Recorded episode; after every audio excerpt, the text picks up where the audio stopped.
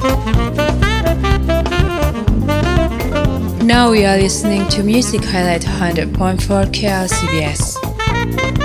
Mendapat bimbingan saksofonis Jimmy Heath dan Frank Foster serta flautist Harold Jones, Najee telah bekerja sama dengan musisi-musisi besar, termasuk Stevie Wonder, Quincy Jones, dan Herbie Hancock.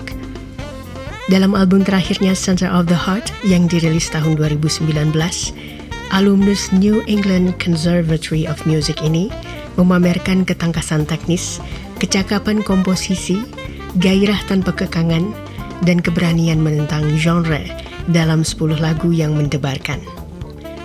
Dengan saksofon soprano, tenor, dan alto serta flute, Najee mengendalikan perjalanan ke 10 lagu tersebut.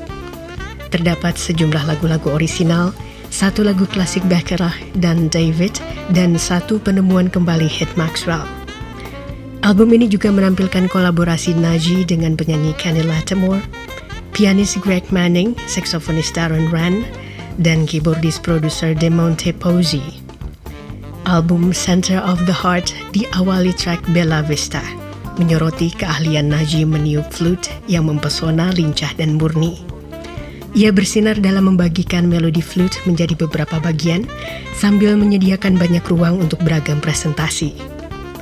Turut berkontribusi pada Bella Vista, saksofonis Darren Run yang telah menulis hits untuk Dave Koz dan Wayman Tisdale.